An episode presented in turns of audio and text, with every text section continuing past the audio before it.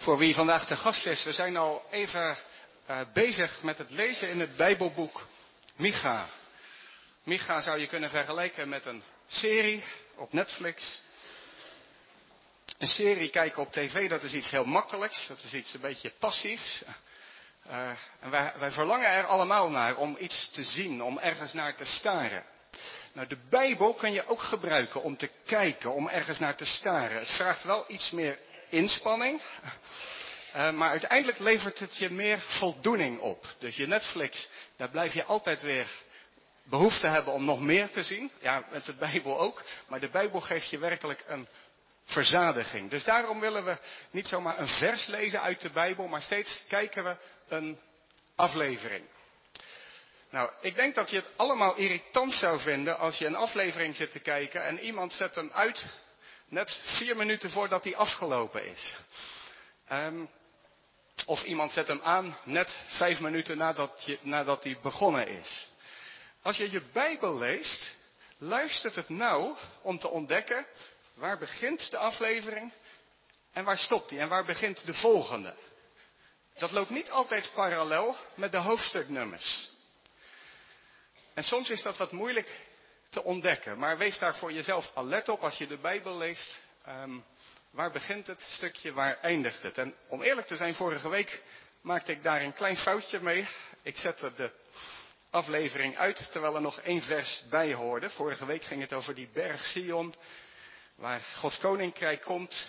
En toen stopten we bij vers 7. De Heere zal koning zijn op de berg Sion van nu aan tot in eeuwigheid. Ik dacht, nou dat is mooi, dus klaar. Maar vers, 9, vers 8 hoorde er ook nog bij. Dat het koningschap voor Jeruzalem terugkeert. Dat was eigenlijk de vorige keer. Nou, een nieuw gedeelte begint bij hoofdstuk 4, vers 9. En dat gaan we lezen tot en met hoofdstuk 5. Niet een makkelijke tekst. En um, misschien denk je straks van, ja, daar heb je echt een dominee voor nodig om daar uh, iets in te zien. Nou, ik zou je zeggen, ik zie daar ook niet gelijk iets in. Een paar dingen, maar ik heb ook echt een week nodig om steeds dat weer te lezen, om het te gaan zien. Dus dat raad ik jezelf ook aan. Denk niet, ja, ik kan dat toch niet. Nee, zet er je tanden eens in. En dan zul je zien, dan ga je steeds meer zien. Maar vandaag doen we het met elkaar. Wil ik jullie erbij helpen.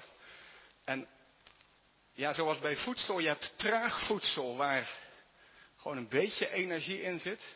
Je hebt ook bijvoorbeeld een mars of een snicker. Daar zit echt heel veel energie in. Nou, zo heb je ook bijbelgedeeltes waar traag voedsel in zit. En dat is goed voor ons. Maar het hoofdstuk wat we nu gaan lezen is meer een soort uh, snickerhoofdstuk. Dus daar zit echt daar zit heel veel in. Maar ik hoop dat uh, de vonk daarvan gaat overspringen. Goed, pak je Bijbel erbij, zou ik zeggen. En als je vergeten bent, neem hem ja, volgende week mee. Als je er geen hebt, koop hem. Micha 4 vanaf vers 9. Nu, waarom slaan jullie zo'n luid alarm? Is er geen koning onder jullie? Is jullie raadsman omgekomen dat smart je aangegrepen heeft als van een barende vrouw? Krimp ineen en schreeuw het uit, dochter van Sion, als een barende vrouw. Want nu moet u de stad uit en in het open veld wonen. U zult tot in Babel komen, daar zult u gered worden. Daar zal de Heere u verlossen uit de hand van uw vijanden. Nu verzamelen zich tegen jullie vele heidenvolken. Ze zeggen, laat haar ontheiligd worden. Laten onze ogen Sion aanschouwen. Zij echter kennen de gedachten van de Heere niet. Ze begrijpen zijn raadsbesluit niet. Dat hij hen bijeengebracht heeft, als graanschoven op de dorsvloer. Sta op en dors, dochter van Sion, want ik zal jullie horen van ijzer maken en jullie hoeven van brons. Jullie zullen vele volken verpletteren. Ik zal hun winstbejag met de band slaan. Het is voor de Heere, hun vermogen is voor de Heere van heel de aarde. Nu, groepeer je, dochter van de strijdbende. Ze gaan een belegering tegen ons opzetten. Ze zullen met een stok de rechter van Israël op de kaak slaan. En u, Bethlehem, Ephrata, al bent u klein onder de duizenden van Juda, uit u zal mij voortkomen, die een heerser zal zijn in Israël. Zijn oorsprongen zijn van oudsher, van eeuwige dagen af. Daarom zal hij hen overgeven tot de tijd dat zij die baren zal gebaard heeft. Dan zal de rest van zijn broeders zich bekeren met de Israëlieten. Hij zal staan en hen wijden in de kracht van de Heere, in de majesteit van de naam van de Heere zijn God. Zij zullen veilig wonen, want nu zal hij groot zijn tot aan de einden van de aarde. Hij zal vrede zijn. Wanneer Asser in ons land zal komen en wanneer hij onze paleizen zal betreden, zullen we tegen hem zeven herders doen opstaan en acht vorsten uit de mensen. Ze zullen het land van Asser wijden met het zwaard, het land van Nimrod met getrokken zwaarden. Zo zal hij ons redden van Asser wanneer die in ons land zal komen en wanneer die ons gebied zal betreden. Het overblijfsel van Jacob zal zijn te midden van vele volken als dauw van de Heere, als regendruppels op het gewas dat niet uitziet naar iemand en niet hoopt op mensenkinderen. Ja, het overblijfsel van Jacob zal onder de heidevolken zijn te midden van veel volken, als een leeuw onder de dieren van het woud, als een jonge leeuw onder de schaapskudde, die wanneer hij er doorheen trekt vertrapt en verscheurt en er is niemand die redt. Uw hand zal verhoogd zijn boven uw tegenstanders en al uw vijanden zullen uitgeroeid worden. Op die dag zal het gebeuren, spreekt de Heere, dat ik uw paarden uit uw midden zal uitroeien. Dat ik uw wagens zal doen vergaan. Ik zal de steden van uw land uitroeien. Ik zal al uw vestingen afbreken. Ik zal de toverijen uit uw hand uitroeien. U zult geen wolkenduiders meer hebben. Ik zal uw afgodsbeelden en uw gewijde stenen uit uw midden uitroeien, zodat u zich niet meer zult neerbuigen voor het werk van uw handen. Ik zal uw gewijde palen uit uw midden wegrukken en uw steden wegvagen. Ik zal in toorn en in grimmigheid wraak doen aan de heidevolken die niet willen luisteren. Dit is het woord van God. Bidden we om de hulp van Gods geest. Vader in de hemel, wij danken u dat u ons de reis van het geloof niet alleen laat maken. U hebt ons uw geest gegeven om ons te leiden. U hebt ons het woord gegeven dat geïnspireerd is door uw geest. En wij bidden u, schenk ons uw heilige geest in het uitleggen en toepassen van uw woord, in het horen naar uw woord. Heren, laat dat een eredienst zijn voor u. En gebruik het, heren, om ons te bekeren, op te bouwen en te bemoedigen. Om Jezus wil. Amen.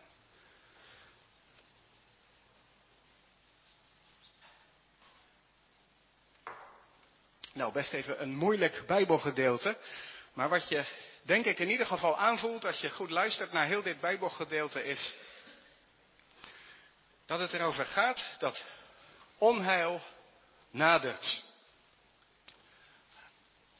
Micha had dat eerder gezegd. Het rommelde wat in de verte. Micha zei, de oordelen van God komen eraan. Er komt onheil aan. Maar iedereen dacht, laat die man toch praten. En de profeten die zeiden, er komt vrede. Het, het komt allemaal goed. Nou, nu ineens is de situatie veranderd. Wat is er gebeurd? Wat Micha gezegd heeft, Samaria is gevallen. Wie had dat kunnen denken? Samaria, zo dichtbij eigenlijk. Dat die stad zou kunnen worden ingenomen.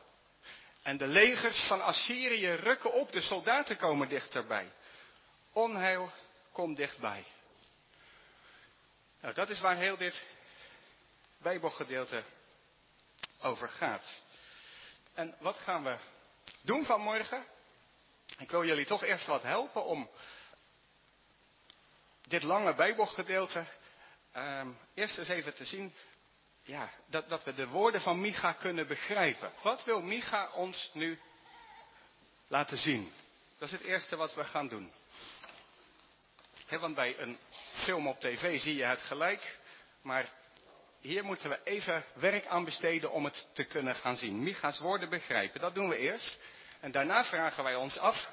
Wat wil God ons nou laten zien? Wat wil God tegen ons nou zeggen door die woorden van Micha heen?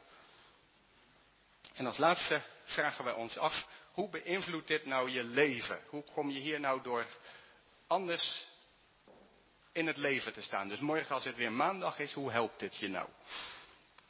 Nou, we beginnen met het proberen begrijpen van de woorden van Micha. Eigenlijk ehm, zie je dat er drie dingen gezegd worden. In vers 9 tot en met 14. Dan klinkt steeds het woordje nu. Nu, nu de legers voor de deur staan, roept iedereen help, help, help. Dat gaat helemaal mis. Nou, dat heb je zelf ook wel eens, dat er dingen gebeuren. Misschien wel de kerststress. Of ineens staat je baan op de tocht. Er wordt iemand ziek in je familie. Er kunnen ook grote dingen gebeuren natuurlijk. Wij zijn daarin heel weinig gewend. Ook ons land kan een ramp treffen. Er kunnen dingen gebeuren door klimaat, door aanslagen en economie kan ineens zomaar instorten. En dan denk je, help. Nou, het eerste stukje, vers 9 tot en met 14. Daarin biedt Gods woord hulp in de paniek. Dan de versen 1 tot en met 4 van hoofdstuk 5 horen we er komt hulp uit Bethlehem. En dan in het laatste gedeelte, vers 4b tot en met 14, daar komen we weer terug van oké, oké, er komt hulp, maar morgen is het maandag, hoe moeten we nu verder? Wat moeten we nu praktisch? Nou, zo valt het in drie gedeeltes uiteen. Laten we ze één voor één wat langslopen. Eerst vers 9 tot en met 14. Nu, waarom slaat u zo'n luid alarm? Ja, ineens roept iedereen, help, wat moeten we? Totale paniek, wanhoop. Samaria is gevallen, de legers rukken op. Is er geen koning onder jullie? Is jullie raadsman omgekomen? vraagt Micha. Ja, ineens helpt de welvaart van Jeruzalem hen niet meer. Ineens zien ze, ja, we hebben wel legers, maar tegenover deze overmacht stelt het niks voor. Al de dingen waar ze op vertrouwd en gebouwd hebben, kunnen hun niet helpen. En Micha vraagt, maar hebben jullie geen koning dan? En dat is ook een vraag voor jou. Als er dingen je overkomen, geen kleine maar grote dingen, dat je denkt, hoe moet het nu? Heb jij een koning? Is God de koning die jou helpt? Ken jij God als de koning die je helpt? Is er geen koning bij je? Dan hoef je niet bang te zijn. Is je raadsman omgekomen? Vroeger hadden ze hun mooi weerprofeten die altijd zeiden: Het komt goed, het komt goed, hè? geen zorg. Maar ineens, nu deze grote dingen gebeuren, staan die mensen met een mond vol tanden. Ja, ik weet het ook even niet meer. Ik moet nou even aan mezelf denken. Ineens heb je er niks meer aan. Aan die mooi weerprofeten, de broodprofeten. Ze voelen dat er pijn komt. Het komt niet alleen, ze voelen de pijn al. Als er nare dingen gebeuren, als je iets naars hoort, dan voel je dat gelijk van binnen in je buik. Het voelt naar. Micha gaat nu, terwijl hij eerst het volk waarschuwde, gaat nu het volk helpen. Hij zegt ja, er komt pijn, er is pijn, onvermijdelijk. Dat geldt ook voor ons. Het leven komt met pijn. En als je Jezus wil volgen, komt het meestal niet met minder, maar meestal juist nog met meer pijn. Maar wat zegt Micha? Sion, Jeruzalem, je bent als een barende vrouw. Dus hoe moet ik die pijn duiden? Het zijn barensweeën. Ik heb zelf nooit een kind gebaard, maar wij weten allemaal als een kind gebaard wordt, dan gaat dat gepaard met pijn, met smart. Micha zegt, jullie zullen de stad uit moeten. En Jeruzalem voelde altijd als die veilige, vertrouwde stad. En uit de stad moeten leek het ergste wat er kon zijn. En toch zegt Micha, dat gaat gebeuren. Jullie gaan eruit, jullie gaan in ballingschap. Maar is dat zo'n grote ramp om uit Jeruzalem te moeten? We hebben eerder gehoord dat Jeruzalem, het was een welvarende stad, maar het was ook een goddeloze stad geworden. Het was als Sodom en als Gomorra. En zoals eens Lot uit de stad werd geleid, zo zullen nu de inwoners van Jeruzalem de stad uitgaan. Ze zullen naar Babel gaan. Babel, Dat is wel helemaal terug naar af. De buurt waar Abraham vandaan kwam. Maar klinkt de belofte, daar zullen jullie gered worden. Wat God eens met Abraham deed, en wat God eens met Israël deed toen hij hen uit Egypte leidde, dat gaat God ook voor jullie doen. Hij gaat je verlossen, hij gaat je redden. Kortom, Micha zegt er komt heel veel narigheid aan. En de pijn is onvermijdelijk, maar blijven ademhalen. Want uh, het is als baren. Je moet er doorheen, maar uh, er komt iets goeds uit voort. Dan vers 11 tot 13. Ja, maar ik zie al die legers komen. Nu verzamelen zich tegen u vele heidenvolk. Je ziet ze bij duizenden en duizenden. Zie je de legers op je afkomen. Nou, stel je voor hoe je je dan voelt. Van overal vandaan. En wat zeggen ze? Laat onze ogen Sion aanschouwen. Daar staat zoiets als uitkleden. Overal vandaan wordt Jeruzalem omringeld en ze zeggen we gaan Jeruzalem in haar blootje zetten. Dat heel de wereld haar kan zien. Nou is je blootje niks om je voor te hoeven schamen. Maar in je blootje staan is ook kwetsbaar. Dat hoeft niet heel de wereld te zien. Het is akelig wat al die legers zeggen. Wij gaan je uitkleden, Sion. Akelig, het is angstig. Maar, zegt Micha, ik ga je helpen. Hoe moet je er tegenaan kijken dat al die legers nu op je afkomen, al die ellende op je afkomt? Dit is het plan van God, zegt Micha. Denk maar eens aan het graan op het land. Overal op het land staat graan. Maar als de oogst komt, dan wordt het graan overal vandaan van het land afgehaald en naar één plek gebracht, naar de dorsvloer. En wat doe je dan met het graan? Daar ga je op slaan, daar ga je op trappen en dan wordt al het kaf weggeblazen. Zo zegt Micha, ja het klopt, ze komen allemaal op je af. Het is akelig en naar, het is eng.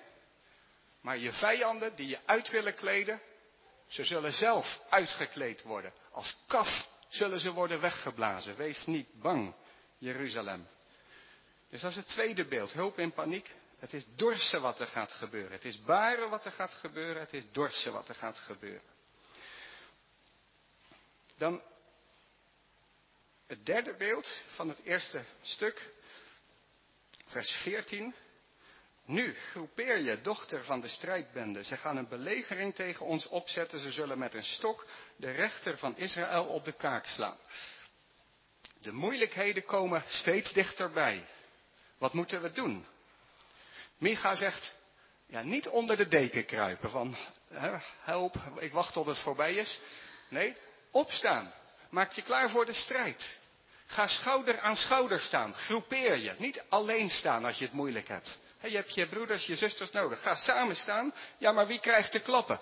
Nou, de rechter van Israël zal de eerste klappen opvangen. Hij zal in het, op het gezicht geslagen worden met een stok. De, de rechter van Israël, de richter, dat woord kennen we. Israël had eerder in moeilijke tijden een richter. Simson, Gideon, noem ze maar op. Iemand die kwam helpen. Nou zegt Micha, er komt weer een rechter, een richter voor Israël, een die verlossing brengt. En hij zal de zware, de eerste klappen opvangen. Ze zullen hem slaan met een stok in het gezicht. En wij als christelijke gemeente, wij horen, wij begrijpen wie deze rechter is, die met een rietstok in het gezicht geslagen werd en wie de eerste en de zware klap van het oordeel voor ons opving. Het onheil nadert, maar Micha, de profeet van God, loopt nu niet weg. Hij zegt in de pijn en in de angst, vertrouw op het plan van God. Het is baren wat er gaat gebeuren. Het is dorsen wat er gaat gebeuren. Er komt strijd, maar er is er één die voor jullie strijdt en die de verlossing brengt. Nou, dat brengt ons bij het tweede gedeelte. Waar komt de hulp dan vandaan? Even kijken hoor.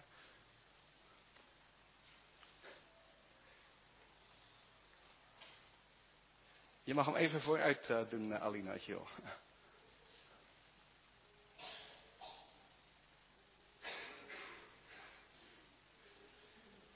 hoop dat hij het gaat doen. Ik kan het zo vertellen, maar het is toch wel erg fijn als we hem uh, kunnen gebruiken.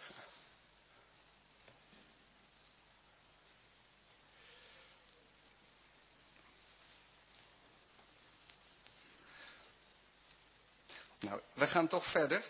Um, we gaan naar het volgende gedeelte, hoofdstuk 5, vers 1 tot 4a. Waar komt de hulp vandaan? En u, Bethlehem Efrata, al bent u klein onder de duizenden van Juda, uit u zal mij voortkomen die een heerser zal zijn in Israël.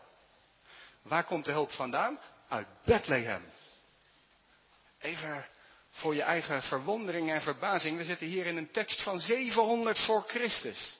Misschien zeg je ja, dat zal wel. Dat hebben ze vast opgeschreven na de geboorte van Jezus. Nou, het is aantoonbaar dat deze teksten ouder zijn dan de geboorte van Christus. U, Bethlehem. Waar komt de hulp vandaan? Niet uit Jeruzalem, maar uit dat kleine dorpje Bethlehem. Ze kunnen nog geen duizend soldaten op de been brengen als er wat aan de hand is. Maar vergis je niet in Bethlehem, want wie werd daar geboren? Daar werd David geboren. David, jongste uit het gezin van Isaï, die herdersjongen, maar die zou hulp brengen tegen de reus Goliath. En uit Bethlehem zal nog eens een keer een zoon van David komen, want dat had God beloofd om verlossing te brengen. Dus vergis je niet in dat kleine Bethlehem, in dat kleine kind, in die armoedige omstandigheden, want je gaat nog van hem horen. Bethlehem, de plek waar David geboren werd. Bethlehem, de plek waar Rachel ging baren. Rachel, ze waren onderweg met Jacob. Ze had vreselijke pijn toen ze moest baren. Toen haar kind kwam, riep ze uit, kind van smarten. Maar Jacob zei, nee, hij zal niet smartenkind heten. Hij zal heten kind van mijn rechterhand lievelingskind. Rachel is daar gestorven, is daar begraven. Maar later zou daar nog een keer een zwangere vrouw komen, hoogzwanger bij Bethlehem, Maria.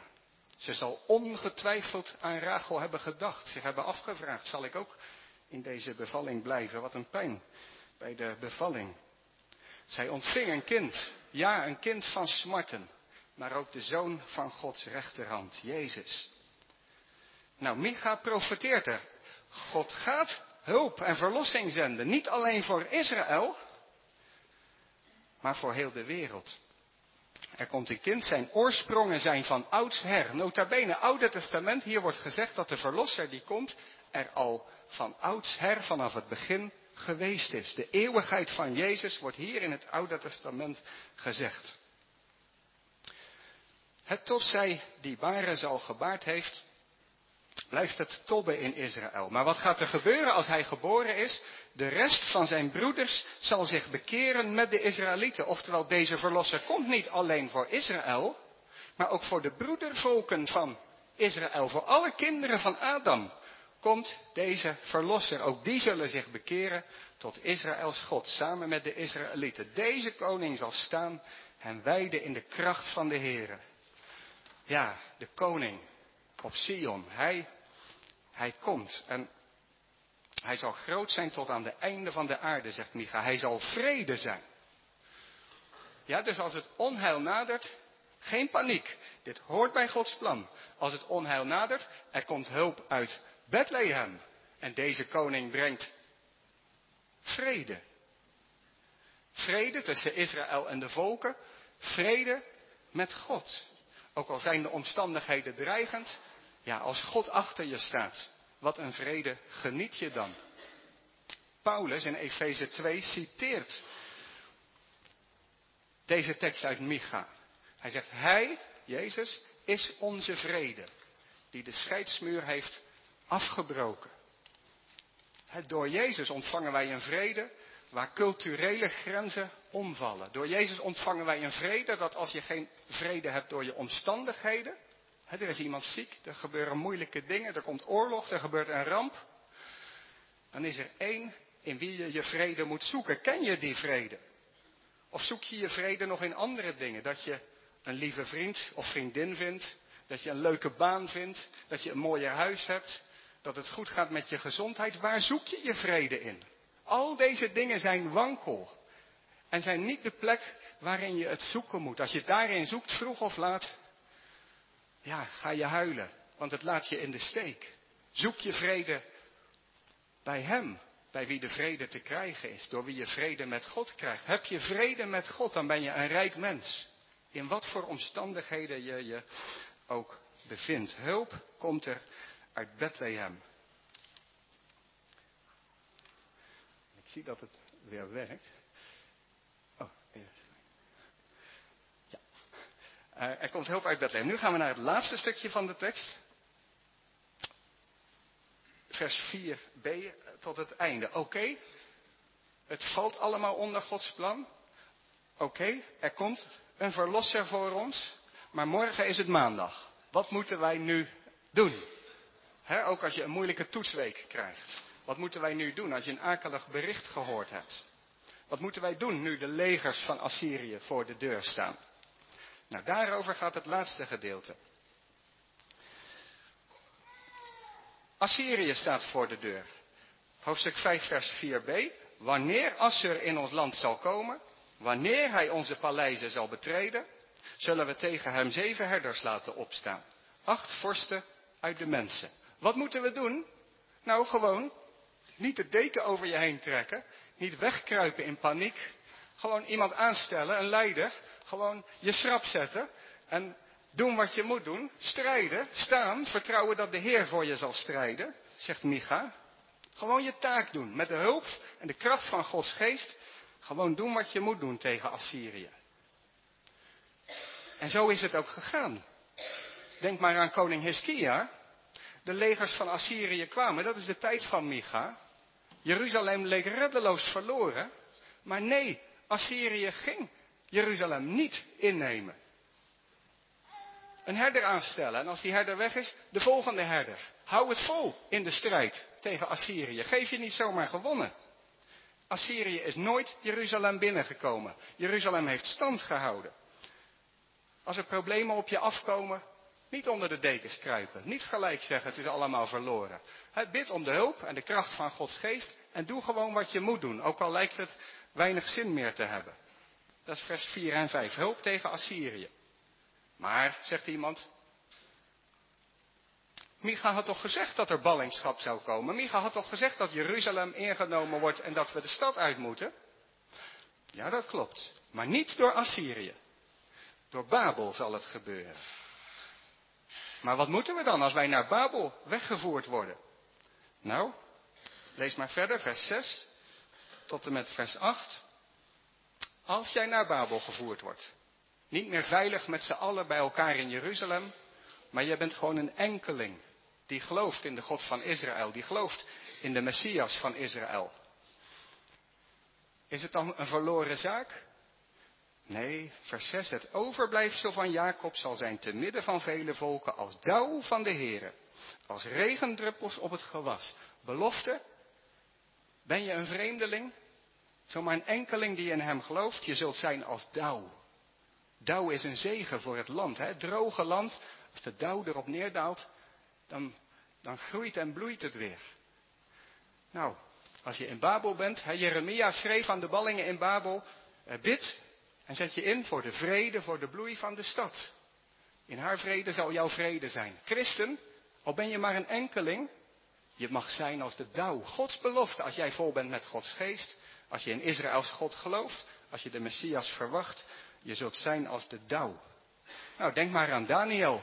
Daniel werd weggevoerd. Is dat het einde van alles? Nee, Daniel was als de dauw. Heerlijk, wat een belofte.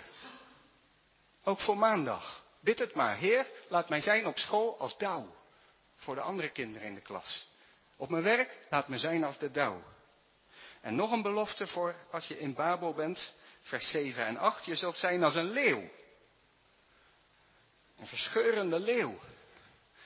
Af en toe komen er dingen op je af, twijfels, dingen die je je geloof uit handen willen slaan. Dat je denkt, ja, heeft het nog zin om voor mijn geloof te strijden? De tegenkrachten zijn zo sterk. Ik ben maar een lammetje en alles wil mijn geloof kapot maken. Alles wil dat het geloof ophoudt. Nou, Gods belofte is, vervuld met Gods geest zul je zijn als een leeuw. Belofte. Je zult zijn als een leeuw. Vertrouw daarop. Denk maar aan koningin Esther. In de ballingschap. Ze wilde Israël uitroeien. Ze wilde dat er geen ene Israëliet meer zou zijn. Nou, zo lijkt onze cultuur ook wel. Onze cultuur heeft iets van christelijk geloof. Christen zijn belachelijk. Doe je daar nog aan? Het wordt bestreden. Maar bid en vertrouw op deze belofte. Je zult zijn als een leeuw. Je zult overblijven. Zoals Daniel, zoals Esther. Wees niet bang. Nou, laatste vraag. Bij al het onheil dat op je afkomt, de pijn waar je doorheen moet.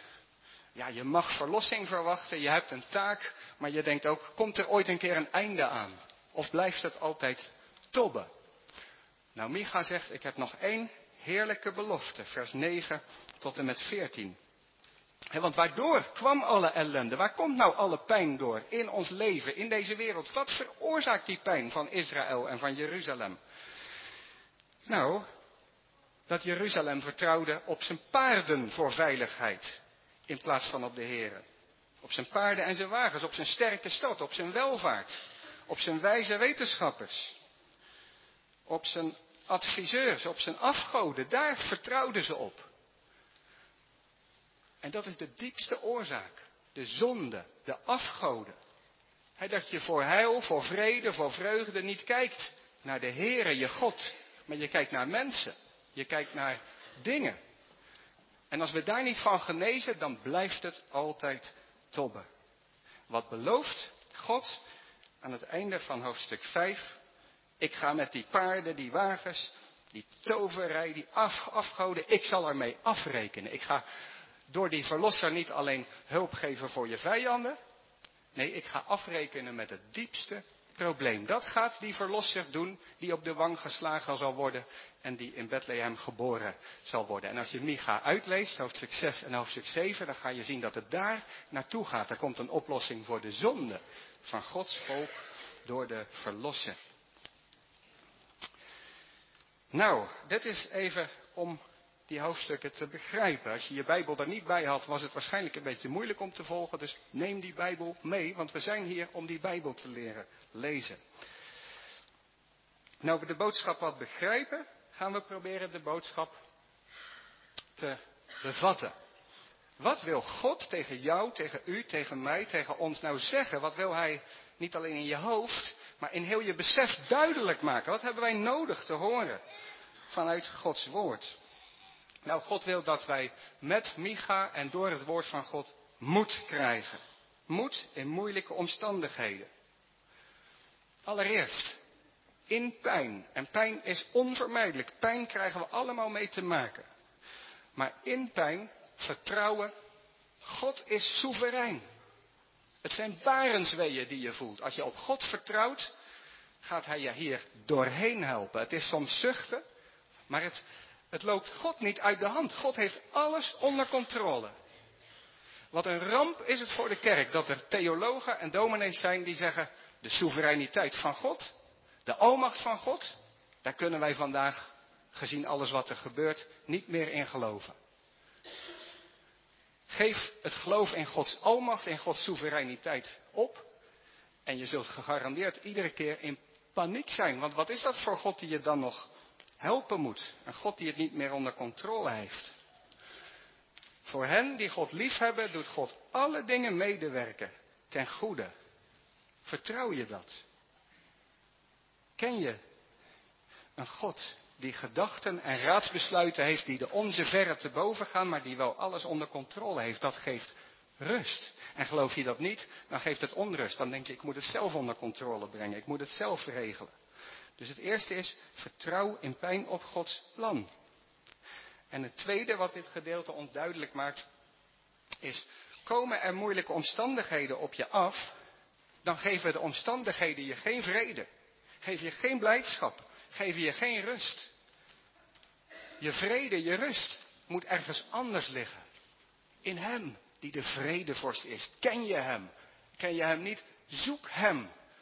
Want in hem is een vrede die alle verstand te boven gaat. Als je vrede met God hebt, dan mag je te midden van de diepste pijn weten dat hij zegt, ik ben met je, ik heb het onder controle. Vertrouw op mij, ik leid je er doorheen. De boodschap als derde. In moeilijkheden mogen wij leven door de geest. Ook in moeilijkheden heb je je taak. Je denkt, wat heeft het allemaal voor zin? Ik heb pijn, ik heb verdriet, er is moeite. Wat heeft het nog voor zin? Nee, laat je leiden door de geest. Stel je maar te weer tegen de Assyriërs, tegen wat je bedreigt. Geloof maar dat je als dauw zult zijn in deze moeilijke omstandigheden. Dat je als een leeuw mag zijn. Geloof maar dat dwars door al deze dingen heen God bezig is om af te rekenen met jouw diepste probleem. Je zonden. Ja, moed krijgen met Micha. Eerlijk is eerlijk, dat is soms moeilijk. Wij vertrouwen Gods plan niet altijd. We denken soms, ik zie er niks van. Maar kijk naar Jezus. Hij vertrouwde Gods plan toen hij omsingeld werd. Toen Romeinen en Joden en iedereen hem uitlachten, bespotten, pijnigden, toen de oordelen op hem neerkwamen, heeft hij aan zijn God vastgehouden. Jezus Christus, hij vertrouwde Gods plan. En hij ving de klappen op aan het kruis om voor ons vrede te brengen. Hij geloofde voor ons en in onze plek. Hij heeft in de grootste moeilijkheden gedaan wat hij moest doen. Hij heeft nieuw leven gebracht voor u en voor jou. En daarom roep hem aan. Vertrouw hem. Dan wil hij dat leven ook in jou brengen. Nou, wat een heerlijk woord geeft Micha ons. Als laatste, wat hebben we hier praktisch aan? Nou, dat begint eigenlijk wel duidelijk te worden, maar als je het in één zinnetje samen moet vatten. Waar helpt, waar helpt Micha ons bij om te leren leven uit het geloof? Daar komt alles op aan. In de problemen die op je afkomen, vertrouw je dat het nog onder Gods controle is. Vertrouw je. En zie je dat Jezus je vredevorst is. Vertrouw je dat de geest je leiden wil. Nou, daar wil Gods woord ons in toerusten. Daar wil Gods woord ons bij helpen. Daar hebben we ook liederen bij om te zingen. Hè? Als ik omringd door tegenspoed bezwijken moet, uw rechterhand zal uitkomst geven. Zulke liederen, hè, zing die. Nou, dat gaan we ook nu doen met een lied van William Cowper. Die ging door hele zware dalen heen, ook psychisch. Maar hij mocht weten, uiteindelijk heeft God het onder controle. Uiteindelijk brengt hij licht en leven voor ons. Amen.